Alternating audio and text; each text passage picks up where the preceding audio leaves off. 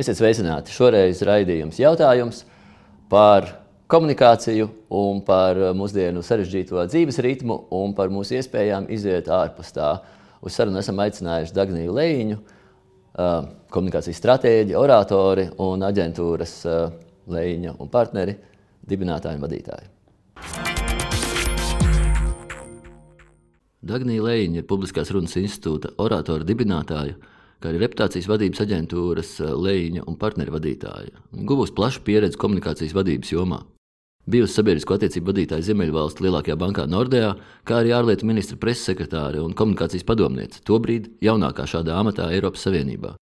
Kā prestižās Britu valdības Čeveninga stipendijāte ieguvusi maģistra grādu politikā un komunikācijā Londonas ekonomikas skolā.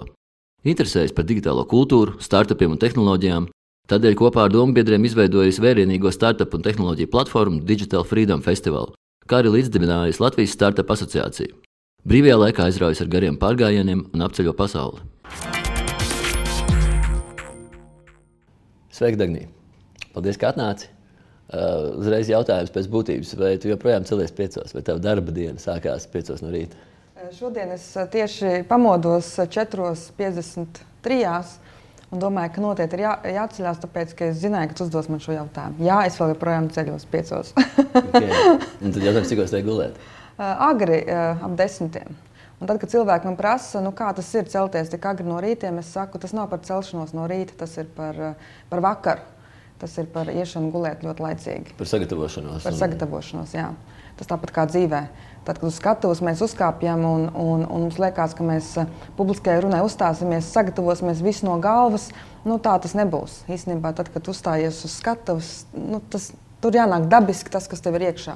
Tā tā... Tas ir gan noskaņojums, jā. gan nogurums vai atpūšanās līmenis. Tu vienmēr esi tam piegājis tā apzinīgi un, un neteicīgi, vai, vai tev ir bijuši kaut kādi laiki, kad tu tā par to nedomāji? Man ir ļoti svarīgs laiks pašai ar sevi. Un, uh, varbūt tas ir. Varbūt tā ir tā sajūta, ka es, ka es, ka es dzīvē gribu kaut ko kontrolēt. Tā visdrīzāk ir ilūzija. Bet tās divas, trīs stundas no rīta, no pieciem līdz astoņiem, tās ir tādas zelta stundas, kad neviens tev netraucē. Jā, var, vēl guļ. Jā, var visi, visi, vēl, visi vēl guļ.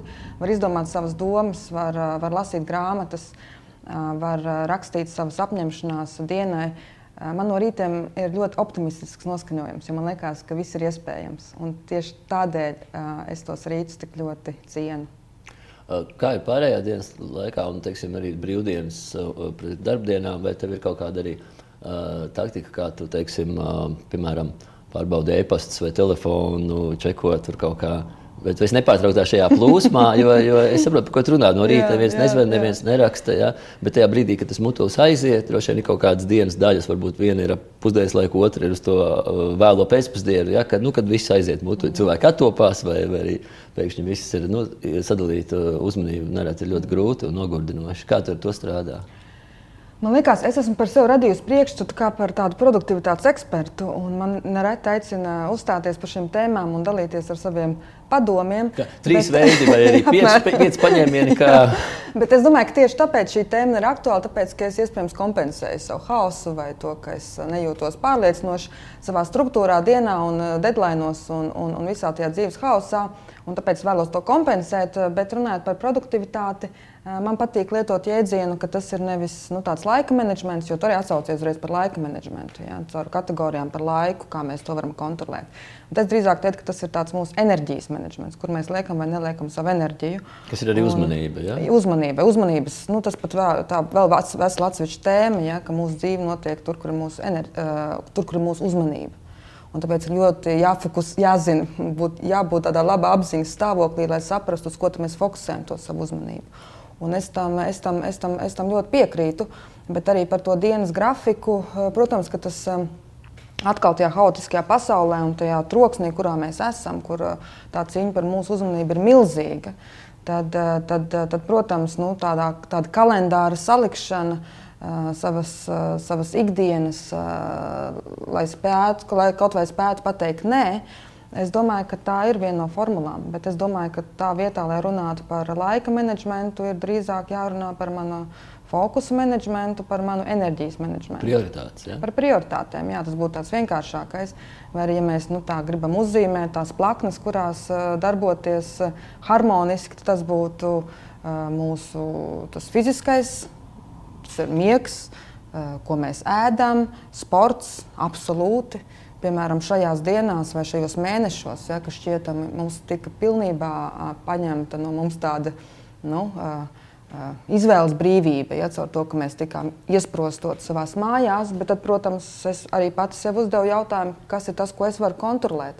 Un tas, ko es varu kontrolēt, tas ir tas mūsu fiziskais, tas mūsu templis. Nevēl te teiciens veselā, veselā veselā miesā vesels gars. Tas ķermenis ir milzīgi, milzīgi svarīga dimensija tajā mūsu enerģijas, vai produktivitātes, vai izdošanās veiksmes faktora šajā visā spēlē. Otrs noteikti ir nu, tas mūsu intelekts, kā mēs to barojam, un, un zināšanas, un, un tā racionālā pasaule, profesionālais gandarījums. Un tas trešais, protams, ir tas, ko nedrīkstam arī aizmirst, ir tas nu, garīgais, kā mēs barojam to. Un tad es parasti uzdodu jautājumu sev un arī citiem, nu tad, uh, kur tad mēs ņemam to iedvesmu? Un pie tā ir ļoti jāpiestrādā. Jo tas dzīves skrējiens ir tik milzīgs, ka tā, tā dzīvošana autopilotā mums nereti ir ļoti uh, ērta. Nav jāuzdod jautājumu. Un, un, un līdz ar to jau nav laika. Jo nav laika, jā, un tas būtu ļoti arī komfortabli dzīvot autopilotā. Un tāds sajūta, ka tu esi vajadzīgs, ka tev zvana, ka tu esi aizņemts. Uh, Aizņemtība nu, ir. Vēl var pasūdzēties par to, cik grūti ir un cik ļoti pietrūks laika. Un ar šo pasūdzēšanos nereti ir tā, ka nu, mēs būtu darba kolektīvos, ir pat par to aprakstīts, ka ir šie kolēģi laika vai uzmanības zāģi, kuri pienāk pie viena, pie otra un pasūdzās kaut ko. Tagad tajā filmā bija komēdija par vampīriem, kur uh, bija nu, parastie vampīri, un viens no tajā kompānijā bija uh, enerģijas vampīrs. Un tad uh, bija, viņš strādāja kaut kādā tur, nu, daudz cilvēku mm. nodaļā, kur pēkšņi uzrādījās jauna darbiniece. Viņš atklāja, ka viņi ir vēl jaudīgāks enerģijas vampīrs. Kad nāk un stāsta savas kaut kādas uh, problēmas, un tā, un nu, kolēģi jūt līdzi. Un, un viņš saprata, ka vienā brīdī ka viņi pilnīgi viņi kā, nu, uzpūžās kā balons, viņi pabarojās to uzmanību. Un... Jā, jā, absolūti piekrītu. Jā. Tāpēc ir, ir jābūt ļoti uzmanīgiem, uh, kur mēs dodam enerģiju, kam mēs dodam un kāpēc. Un es nezinu, vai tas mēģinājis uzlikt sev uz uh, telefona aplikācijas, kas mēra tavu laiku, cik pavadīji uh, telefonā. Šausminoši cipari. Tā nereti ir tā kā nu, neiroze, vai arī cilvēks tā kā, līdzīgi tā kā mēdz uh, apjukuma brīžos imitēt runāšanu pa telefonu, vai arī kā, nu, kaut ko pārbaudīt, skatīties. Nu, protams, kā, ka tu esi jā. aizņemts un svarīgs. Un nu, kad tev bija pēdējā reize, ka, piemēram, nu, tev nebija telefons līdz nezinu, vienu dienu, divas dienas, kā tu jūties? Būt neatceros, ka tik ilgi. Jā. Jā. Vai arī, piemēram, bērniem, un vispār jau saka, jauniešiem, nu, telefons ir viņu, tā jau ir jau, jau 7, 8, 10 maņa. Un kāpēc viņi jūtas diskomfortabli? Pamēģiniet atņemt bērnam telefonu. Tas nav par to, ka es negribu, es negribu skatīties sociālos tīklos, vai, vai, vai tur notiek viņa dzīve. Tā ir viņa maņa, tas ir viņa pagarinājums. Draudzības notiek tur. Tas ir aizstājies. Viņas ir tikpat īstas kā tur notiek arī problemātiskas attiecības, arī mobbings un tā tālāk. Protams, jā. tur notiek tādas pašas attiecības kā dzīvē. Un, eh, un tāpēc, un domājot par nākotni, es nezinu, kāda būs nākotne, ja mūsu attiecības ar tehnoloģijām, bet uh, mūsu attiecības ar maņām, kas mēs esam, cik lielā mērā mēs būsim kiborgi. Jau tagad varētu teikt, ka mēs jau esam daļai kiborgi, caur to, ka arī manā dzīvē nu, tas telefons ir pagarinājums. Tas ir attēlotās smadzenes, kā mākonīga datubāze. Jo nu, vienā brīdī vairs pat tā izglītības sistēma, kas nu, tomēr vairāk mazāk uh, deva informāciju, dzina iekšā datus. Jā, jā. Uh, faktiski sen jau nav būtiska informācija, bet saprast viņus ir uh, kopējo kaut kādu arhitektūru un metodas, vai arī kā viņā orientēties. Jo ir skaidrs, ka jebkuru informāciju var atrast. Protams, protams, bet protams, ir arī tādas utopiskas idejas, nu, tā pati singularitātes ideja par to, ka vienā brīdī nu, mēs, sap, mēs saplūdīsim, cilvēks mašīnas saplūdīs. Ja? Nu, kā tas tehniski notiks, ja par to varam diskutēt. Viens... Citu, kādas tev ir izjūtas ar kādu teiksim, noskaņojumu, tu par to domā vai runā, vai tas tevi biedē, vai tu skaties uz to kā, kā, nu, kā progresa piekritēji, ka tas būs mm. nu, nākamais solis un, un uz priekšu vai uz augšu. Nu, vispār, ne, kopumā man tas biedē. Ja, biedē dažādu, dažām iemeslu dēļ. Nu, man liekas, ka cilvēks ir skaists tieši caur to savu uh, kļūdīšanos, caur to caur cilvēcisko, caur to nu, eksperimentēšanu, caur to radošumu, caur to neperfekciju. Un, protams, ka mašīna ir perfekta un tāpēc viņa ir biedējoša. Bet, protams, ka tā ideja par supercilvēku viņa, nu, mums jau dzīvo ļoti, ļoti sen, jau no, no, jau no seniem laikiem, un ir kaut kāda tā mm, doma, ka nu, mēs, mēs varam būt perfektāki. Ja? Un arī tā singularitātes ideja ir par to, ka vienā brīdī mēs saplūdīsim, un tur ir do, un, vai tur ir mēs sačipojam sevi, vai mēs aplaudojam, vai lejup augšu pielādējam smadzenes, vai kaut kas līdzīgs smadzenes domāšanas procesors. Ja, ja tagad... Tur jau ir filmas uzņēmums, ka, mēs, Protams, tas viss ir izdzīvots. Viņu apziņa jā, kaut kur paliek iespriestot datorā. Tā kā ar to ideju tiek koķetēts, un arī, un arī, un arī, un arī piemēram, nu, Te viens no tādiem pop, pop tehnoloģiju nākotnes futūristiem, bestselleriem, tas pats Juvals Har Harari. Viņš um, argumentē par to, ka tā nākotnē, ne, pēc, viņš saka, pēc 20, 30, 50 vai 100 gadiem cilvēks nebūs tāds, kāds viņš ir šeit, šeit tagad, kādu mēs to zinām. Bet tā būs, tā būs sintēze, kur mākslīgais intelekts sintēzēsies kopā ar bio, biomedicīnu.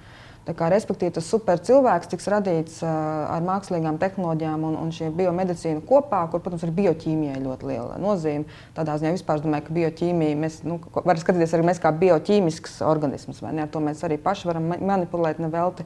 Un savukārt apziņa, kā uh, elektrības uh, nu, jā, uh, jā, impulsu jā. kopums. Jā, Bet tad, protams, atkal ir jautājums par nevienlīdzību, jā, kuriem būs pieeja šiem resursiem, kas varēs sev aplaudot par supercilvēku, kuri, kur, kuriem nebūs. Jā.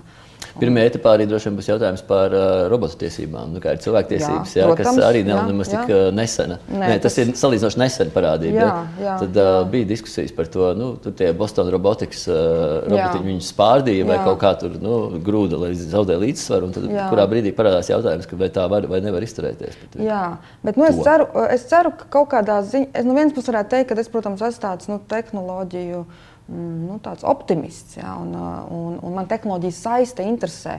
Uh, un es arī vadu Digital Freedom Festival, kur viena no tā idejām bija tieši, kā mēs varam izmantot tehnoloģijas savā labā.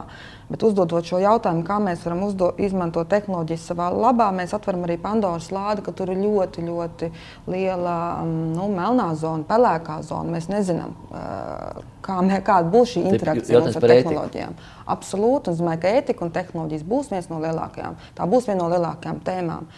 Es uzskatu, arī um, filozofi iespējams būs viena no vissvarīgākajām profesijām nākotnē, jo tie cilvēki, kuriem maksā algu par domāšanu, vai man tā gribētos domāt, ka viņiem maksā domāšanu par domāšanu. Domāšanu par domāšanu, jā, jo mums jau nav laika domāt, kad mēs domājam. Mēs dzīvojam, liela daļa mēs dzīvojam autopilotā, pseido realitātē, pseido konstrukcijā, kurā mēs pat neizvēlamies, ko mēs pat, patērējam. Mums ir sajūta, ka mēs esam nenormāli aizņemti. Un, un, un labi, ka tagad ir parādās termini kritiskā domāšana, radošums, eksperimentācija. Tikai vērtējošā domāšana. Jā, jā bet, bet tas prasa milzīgu pašdisciplīnu pašam. Un izglītība droši vien. Izglītība, nu, tas, tas pašdisciplīna, audzināšana, interakcija cilvēkiem, mācīšanās. Tas, kas man šajā, šajos pēdējos mēnešos, kas man ir satraucis, pat varbūt ne satraucis, es pat teiktu, no vienas puses tas pat varbūt ir iepriecinājis, varbūt šī ilūzija, ka ilūzijas ir kritušas par to, ka mēs varam tehnoloģijām tik daudz ko deleģēt. Uh, nianses, attālinātais darbs, attālinātā mācīšanās. Attālinātās mācīšanās uh, deleģēšana, skolotāja deleģēšana datoram nu, mani satrauc. Iespējams, ka nākotnē mēs iemācīsimies citu veidu pielāgošanos, kāds ar to ekrānu, komunicēt, iesaistīt studentu mācīties, bet man ļoti saskumdināja nesenais paziņojums no Cambridge Universitātes, ka šajā mācību gadā viņi pārceļ visas studijas tiešsaistē. Es pat atceros savu gadu Londonā. Un, uh, Mācīšanās process nenotika ar skolotāju. Protams, jā, lekciju veidā mēs pasīvi uzņēmām, bet lielākais mācīšanās process notika bāros, uh, diskusijās, debatēs, vidē, strīdoties, vidē. strīdoties jā, līdz rītam.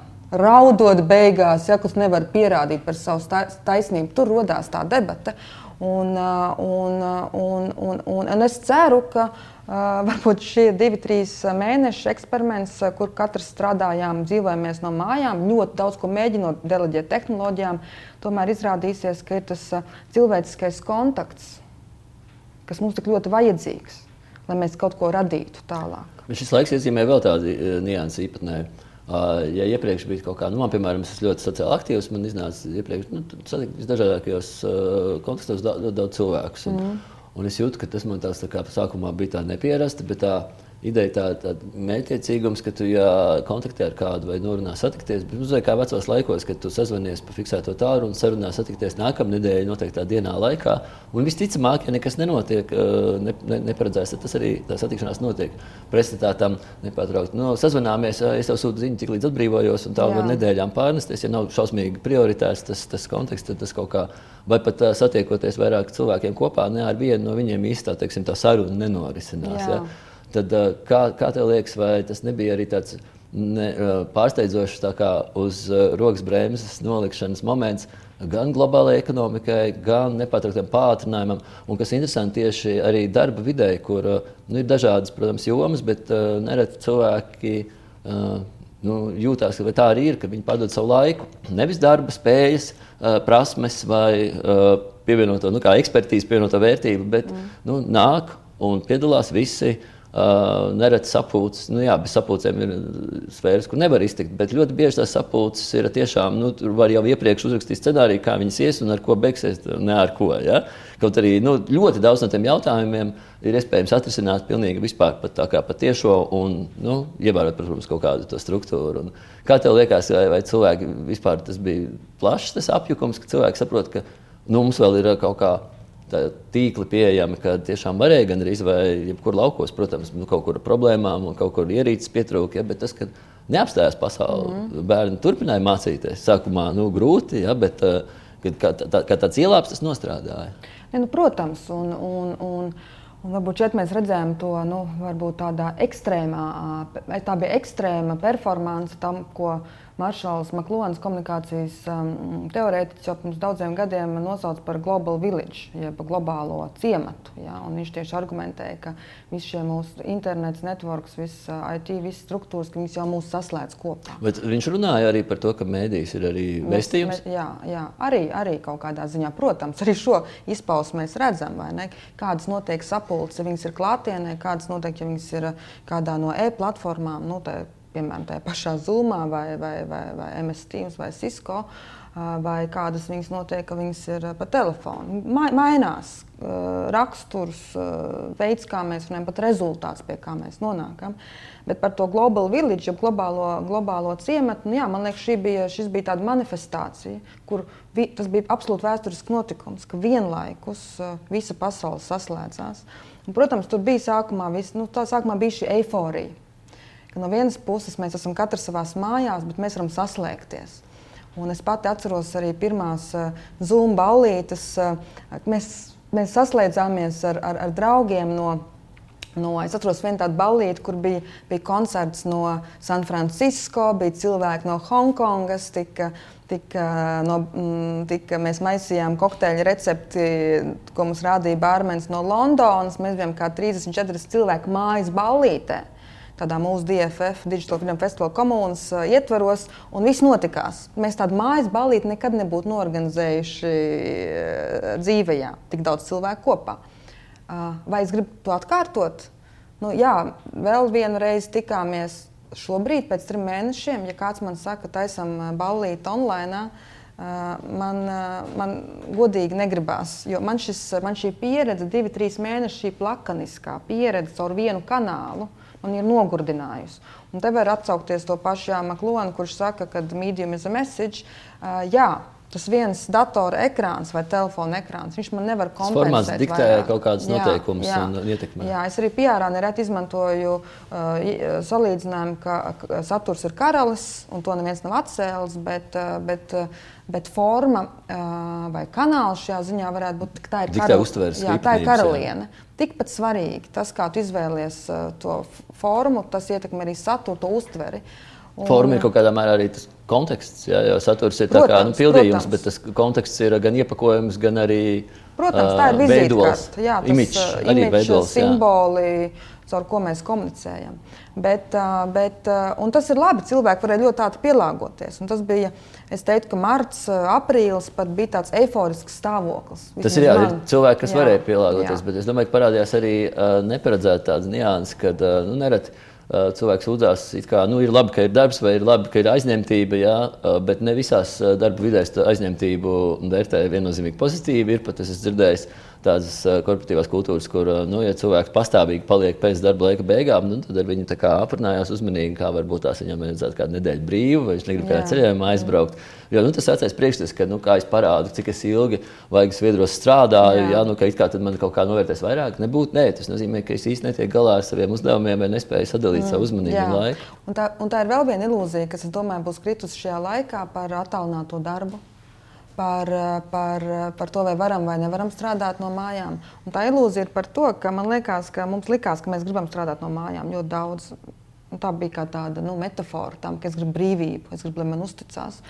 Es domāju, ka daudz saprata, ka tas nav tik rožaini, ka strādāt no mājām ir sarežģīti, ir grūti, nesaprotam, kur ir, kur ir darbs, kur ir dzīve. Ja vēl ir ģimene, bērni, vēl paralēli jāmācās kādā no uh, Rīgas vai Latvijas vidusskolām vai pamatskolām, tas ļoti sarežģīti.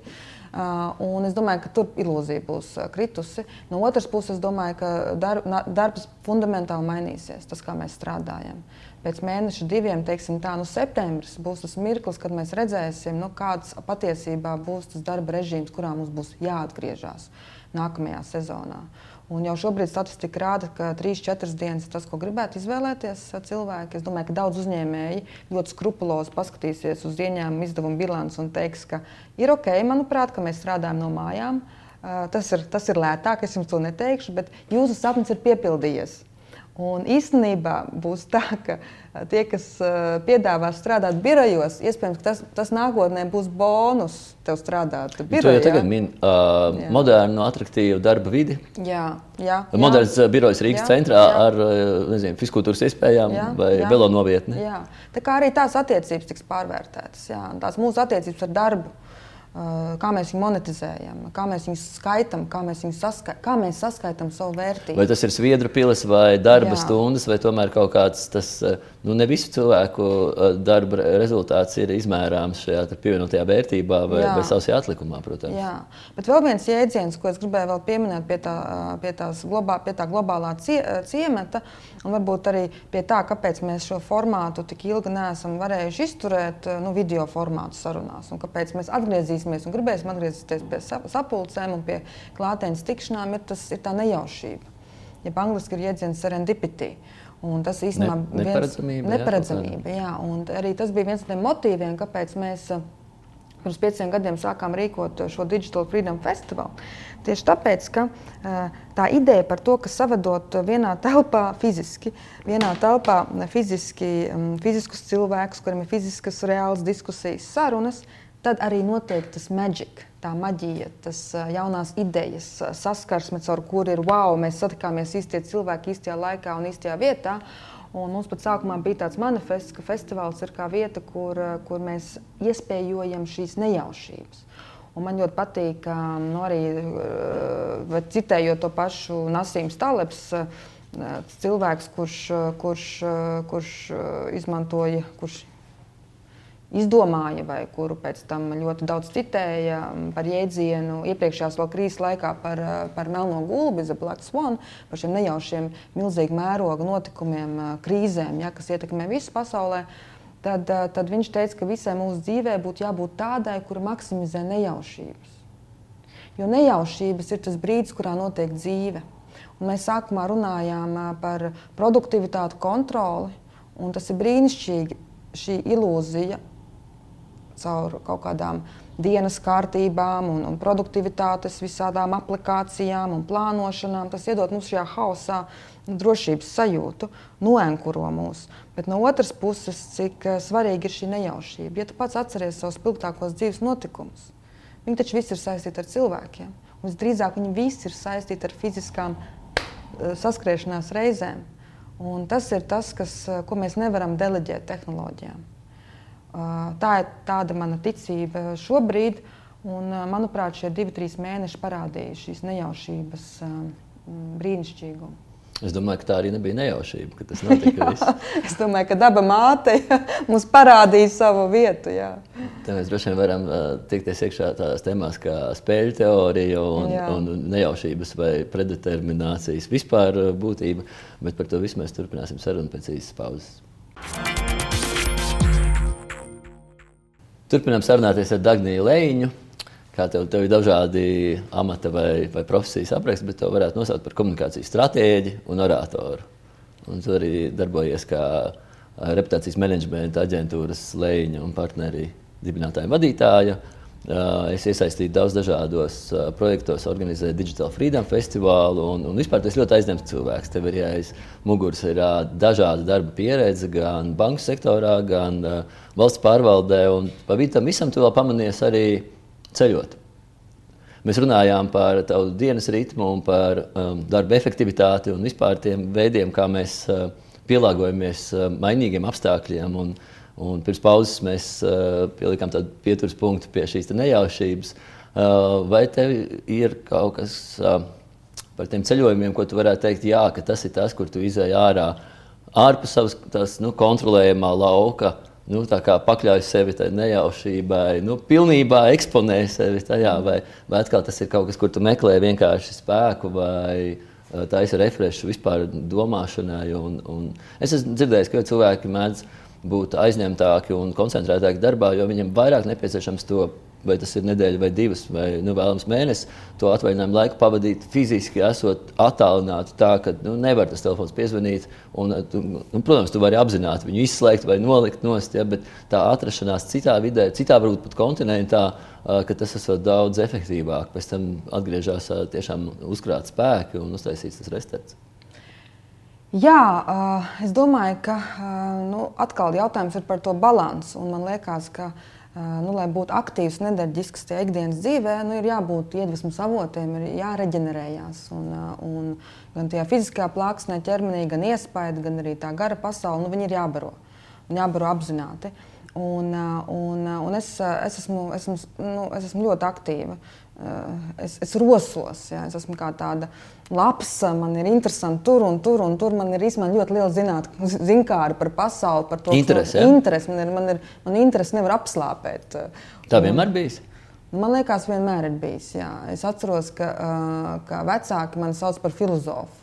Jo es visu laiku kaut ko funkcionēju, domāju. Visu laiku patīk, patīk uzdot jautājumus. Jā, acīm redzot, jā. Un, un man, ļoti, man ļoti interesē dzīve.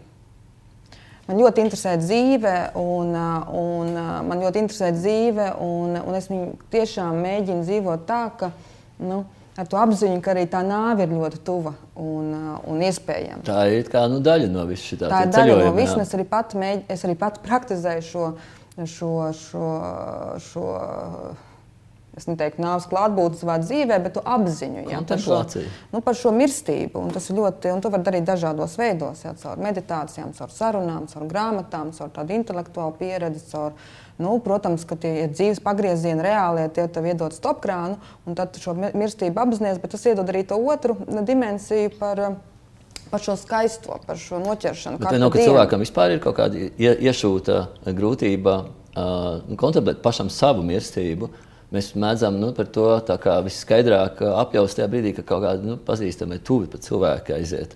Bet nu, līdzīgi kā nav vienkārši saprātam pašam aptvert sevi, līdzīgi arī cilvēkam, kurš ir dzīvs, atver to, ka viņš vienā brīdī nav Protams, dzīves. Tas, tas ir, ir diezgan tāds. Tāpēc ir daudz dažādas prakses. Starp citu, man vakar kāds Facebookā ielika komentāru pie kāda no maniem līdzīgiem ierakstiem, ka kur tas Austrijā, Šveicē, hmm, esot kafejnīca, ja, kur tēma ir nāve. Nāves kafejnīca. Ja, Šī pozitīva kustība ir diezgan augoša. jā, jā, bet viņai ir pamats. Ja, un ļoti daudz filozofija, pamatos reliģija pamatos ir ja, šī te, nu, doma kultivēšana par nāvi, kas īstenībā tev dod optimismu dzīvē. Daudz vairāk, ja, tāpēc, ka tu novērtē to dienu. Un tas tāpat kā ja mēs saslimstam, mēs, mēs, mēs novērtējam. Bet, bet ko es ar to gribēju teikt? Es gribēju teikt, ka tā interese par dzīvi ir milzīga. Un, un, un es, man liekas, ka manā dzīvē nevar ielikt tik daudz, cik man interesē. Un tāpēc es praktizēju to, ka es ik pa sešiem, septiņiem gadiem nomainu savu ādu. Ja. Es esmu strādājis valsts sektorā, Esmu studējis ārzemēs, pēc tam privātais, tagad savs bizness, paralēli. Kā tas izdodas? Vai tu sajūti vienā brīdī, kad te kausa būs pilns un tev ir strauji jāmeklē cits kauss, vai, vai tas notiek pats no sevis? Mm. Tas ciklus. notiek tā, ka man vairs nav aizrautība iekšēji. Un es to iekšēji dziesmu, ka, viss, liesmiņa, ja? nē, ka viss sāk atkārtoties. Atkārtoties. Okay, es jau zinu, kā tas būs. No vienas puses, varētu teikt, brīnišķīgi, komforts beidzot atpūties, bet no otras puses man interesē, varbūt pamēģināt ko jaunu. Un tur es neko nevaru padarīt, tādu vienkārši esmu. Un arī šobrīd esmu tādā dzīves periodā, kur es arī skatos, kas varētu būt tas nākamais solis. Ja ir kaut kādā ziņā septiņu gadu cikls noslēdzies, man iekšā kaut kas sāk tikšķēt. Un, tad, un tādējādi es teiktu, ka šie iztepstelēšanās momenti ir ļoti svarīgi. Un, uh, mans garākais iztepstelēšanās mm, punkts bija, manuprāt, uh, manuprāt tad, kad es uh, Es vairākus gadus strādāju ārliet, kā ārlietu ministra padomniece, un tad es sapratu, tas ir pat daudz.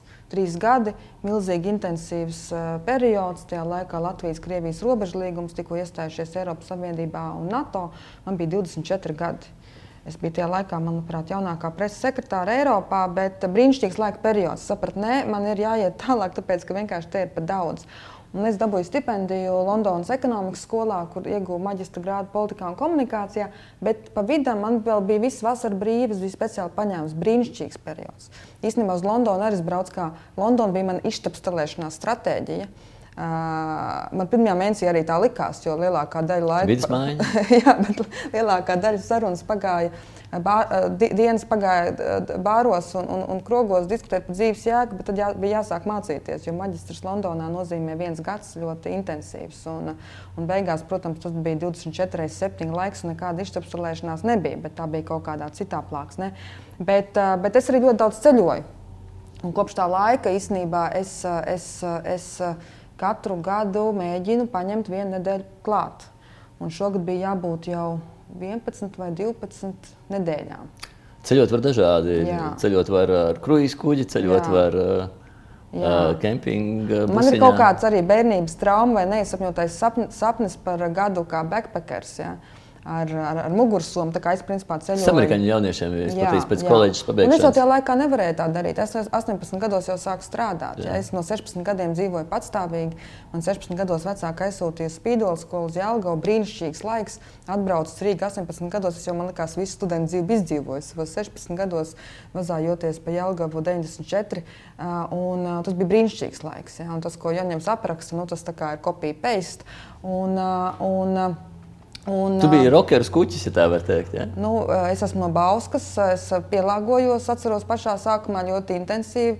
Tātad es Bauskā nācu no vairāk no tādas repa un tāda. Nu, kā jau Bauska? Nu, kā jau Bauska, vai ne?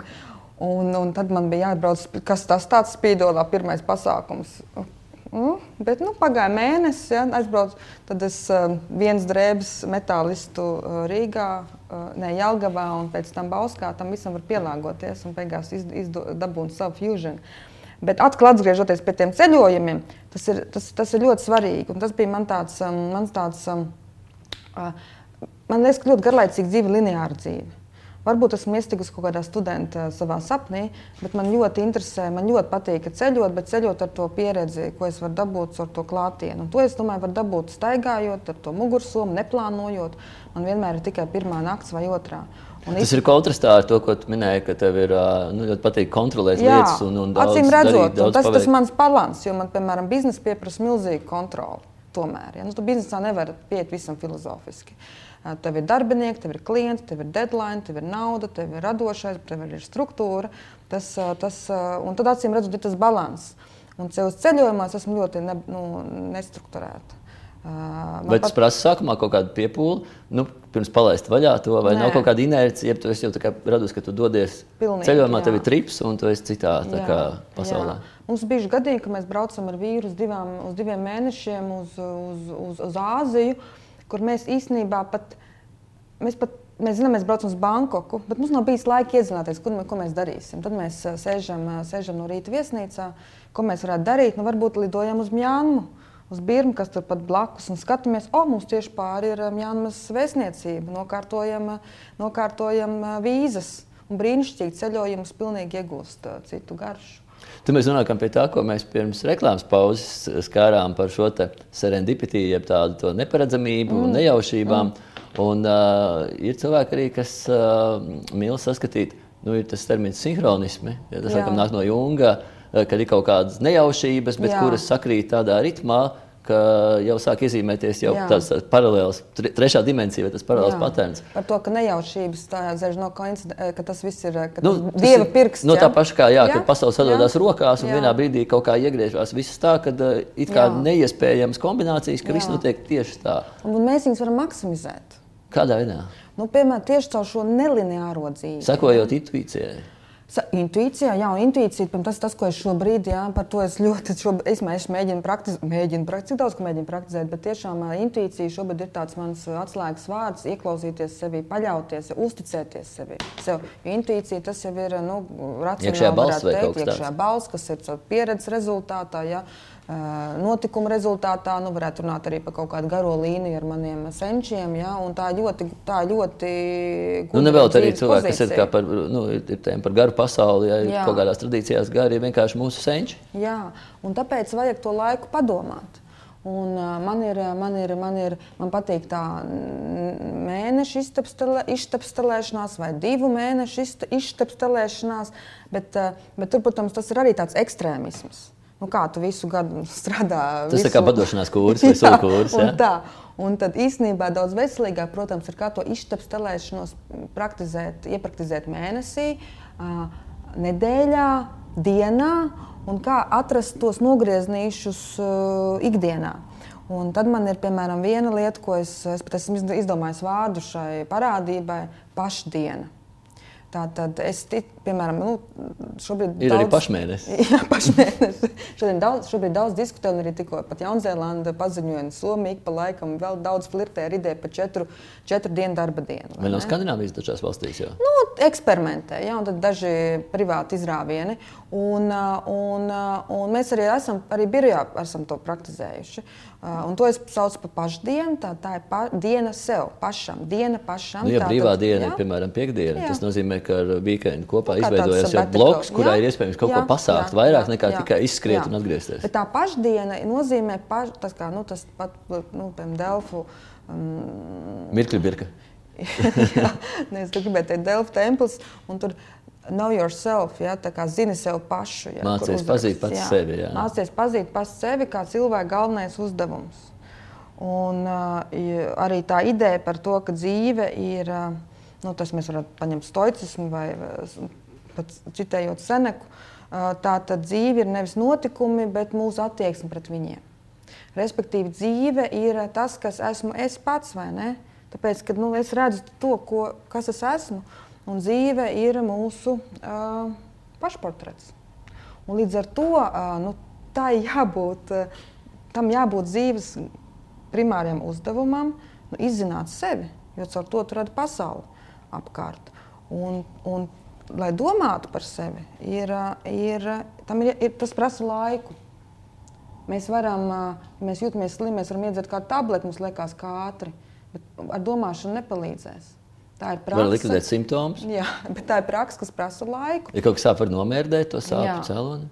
Jā, un tad man liekas, ka ok, dienā es to ieintegrēju savu, savu rītu, nedēļā tā ir pašdiena, mēnesī man patīk iet pārgājienos vienai pašai.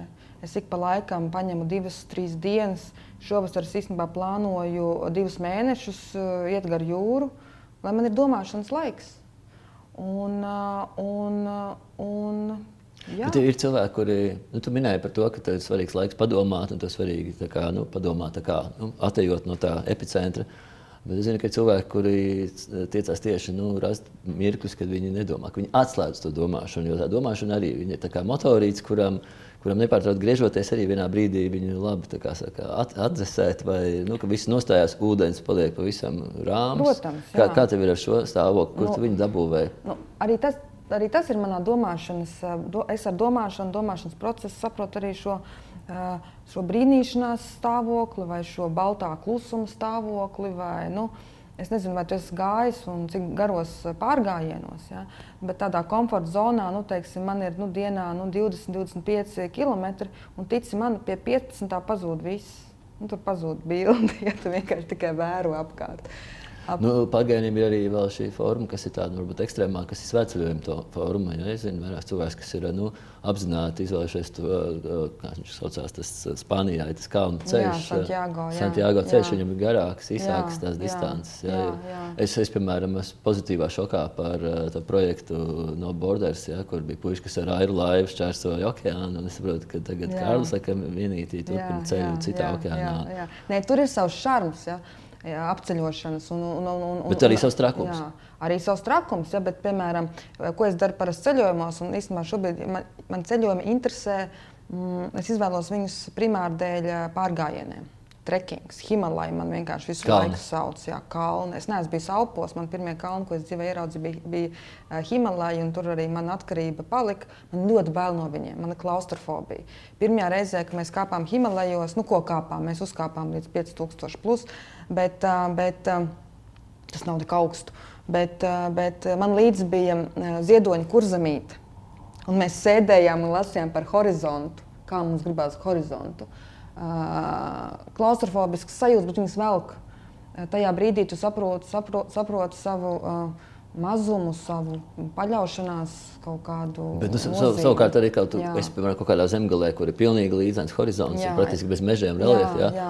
Un, un es nezinu, tas varbūt no cilvēka dabas vai no kaut kādas orientācijas, bet man tas liekas, ka tā kā, nu, viss tur, tur nav nekā, jā, un kamēr ir kalni, kur ir tīpaši šie mākoņi, jā, kad tu skaties jā. no ielējas, un tu nevari tā kā sazīmēt, vai tas ir kalns, vai jā, tas ir mākonis jā, kalnā. Jā, un, jā, jā. un arī tas mazā, nu, mazākā, tas ir mazā aprite, kad jā. ir iztvaiko, izveidojas mākonis virs jā. tā kalna, un viņš turpat pēc 20 minūtēm nogrāna parkots, viņš turpat izlīst. Nu, tur jā, mainīties ļoti strauji laika apstākļi. Jā, un tas arī tas mainīgums, daba, dabas klātbūtne, daba kā tāds ļoti dziedinošs spēks. Tā ir arī metāfora, jā. kāpt kalnā. Tā kā Nīčēm, ja, jā, teiksim, tas jā. domātais varonis kāpj kalnā, paliek vienatnē, lai pēc jā. tam nolaistos pie jā. tirgus cilvēkiem. Jo metāfora var būt gan kāpšana kaut kur augšā, metāfora iešana kā pati par sevi, ceļš. un, un pats ceļš, vai ne? Un es īstenībā, es domāju par šo Mm. Viens, protams, ir mērķis, nu, ka, ko mēs ikdienā ir. Ikdiena sastāv no, no, no šiem parasti no mērķa, kas jāsasniedz, un tur nav šis uzsvars varbūt šo procesu, kas arī var būt mērķis.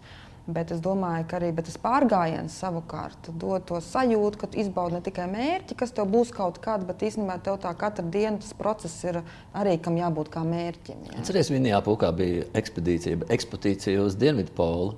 Man viss sataisījās. Es neesmu atzīties, es neesmu jā, tā īs, īsumā tas arī stāsta, ka jā. visi sapulcējās, ieskaitot rusīšu radus jā, draugus jā, un, jā. un arī tos, ko neviens nezināja, kā viņus sauc, jo viņi tik jā, maziņi. Jā. Un tad kaut kā pa ceļam visi uh, tā kā sāk spriest, bet kā mēs jā. zināsim, kur tas dienvidu pols ir. Laikam minijas pulks vai kurš, ah, nu tur būs iesprausts kaut kāds, nu, miets. Un tad viņi kaut kā pa ceļām tur kaut kas tur notikās, un tad viņam bija kaut kāds mietis, un tad viņi nu, bija noguruši, viņi no, iesprāta to mietu, nolēma, ka viņi pasludina dienvidu palu par atklātu, jā, un pārgājiens jā, ir noslēdzies. Jā, jā, jā. Un tie tie īsti Tā ir vienošanās. Jā, tā ir, jā, un es domāju, ka tie, tie mazie, nu tās ir tās, protams, mums vajag tās mazās uzvaras. Mēs viņus varam, mēs viņus varam, viņām obligāti no jābūt uzvarām, kas ir, kuras jēgu rada, dod tikai tāda ārēja atzinība vai manifestācija. Tas ir arī kaut ko, ko mēs iekšā. Un tā iešana, Nu, protams, ka tu vari likt bildes Facebook, un Instagram, un visi par tevi priecājās, un, un tev atzinīgi vārdi. Tas, protams, ir patīkami, bet īstenībā tā ir tikai cīņa ar sevi, ar sevi pašu, un, un tas ir tas skaistums. Es domāju, ka šogad Eiropā būs ļoti daudz svētceļnieku. es pat esmu apskatījis vēl dažus maršrutus. Man bija šogad iezīmēts, ka es varētu apiet apkārt Monblānam. Jo es Alpes neesmu redzējis, gribētu redzēt, kā tur ir. Man bija tur doma, saprīgi, jā. Jā, Šveice vispār klausās. Jā, es tikai uz tiem Himalajiem. Rekomendēju Šveices dienvidu pusi, kur viņi robežojās ar Ziemeļu Itāliju. Jā. Tur ir uh, daudz siltāks, tur jā. ir tāds, nu, gan izvēle Itālijas klimats jau, bet ar to Šveices kristālisko dzidrumu un ezeriem jā. zaļiem kalnos. Es baidos, ka šogad vienīgais variants varēs, būs aiziet. Jā. Un tad, jo es nezinu, kā būs uh, situācija ar, visām, ar visiem ierobežojumiem, otrs plāns man bija apiet, nevis apiet, bet noiet, uh, jo var arī noiet Atēnu maratonu. Un es jau sāku gatavoties, bet nu, varbūt jāatrod kāds maratons. Tas maratonis, tāpēc... tev patīk tālās distances, ilgi pārbaudīt? Iet, ja? iet. Es netaisos skriet. es vienkārši noiešu. Es nekad nevarēju bērnībā saprast sporta veidu, kas ir soļošana. Es domāju, kas tas par ārprātu cilvēks sacenšas, uh, kurš ātrāk, bet ne, nesākt skriet. Jā. Tas man likās tā kā tāds. Jā, jā. Nu, vēl es gribēju uzzināt tādu lietu. Tu ikdienā esi kontaktā ar ļoti dažādiem cilvēkiem, un, un es pieļauju, ka ir ļoti dažādas enerģijas. Ja? Un pie tā, ka tu pievērs uzmanību tam, kā tu jūties, kāda tev ir doma, skaidrība, kā tu esi sabalansējis visu. Vai tev ir kaut kāda metode, kā tiec galā ar nu, pēdējā laikā runā par toksiskiem cilvēkiem vai personībām, kas mēdz uh, nu, teiksim, noēst enerģiju. Zini, kā, nu, neredz, pakontaktējies ar kādu cilvēku, ja, un tu pēc tam nu, sajūties tā kā uz pusdienu, tu esi drained out, nu, iztukšots. Ja.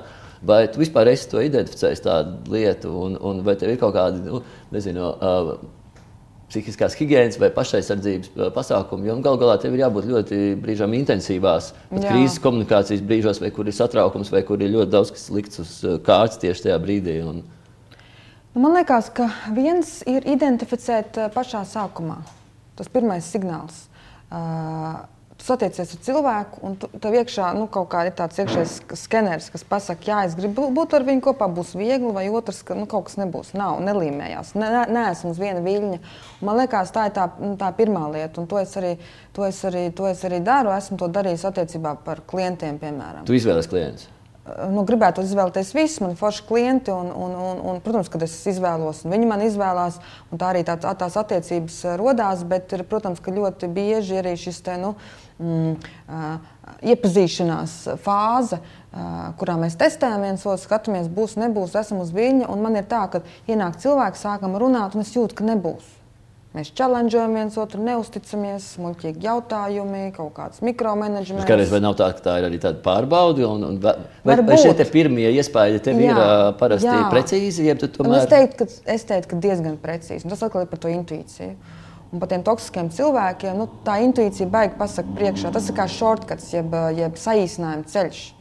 Man ir atlicis viens pēdējais jautājums. Jā, tev, un, un tas būs ārkārtīgi, ārkārtīgi stereotipiski, šabloniski, kā žurnālistiem mēdz būt parasti intervijas beigās. Viņi, kas būtu jautājums, ko es jums neuzdevu, vai arī teiksim, kas būtu tas jautājums, ko gribētu uzdot pati sev? Tev nav obligāti ziņā atbildēt.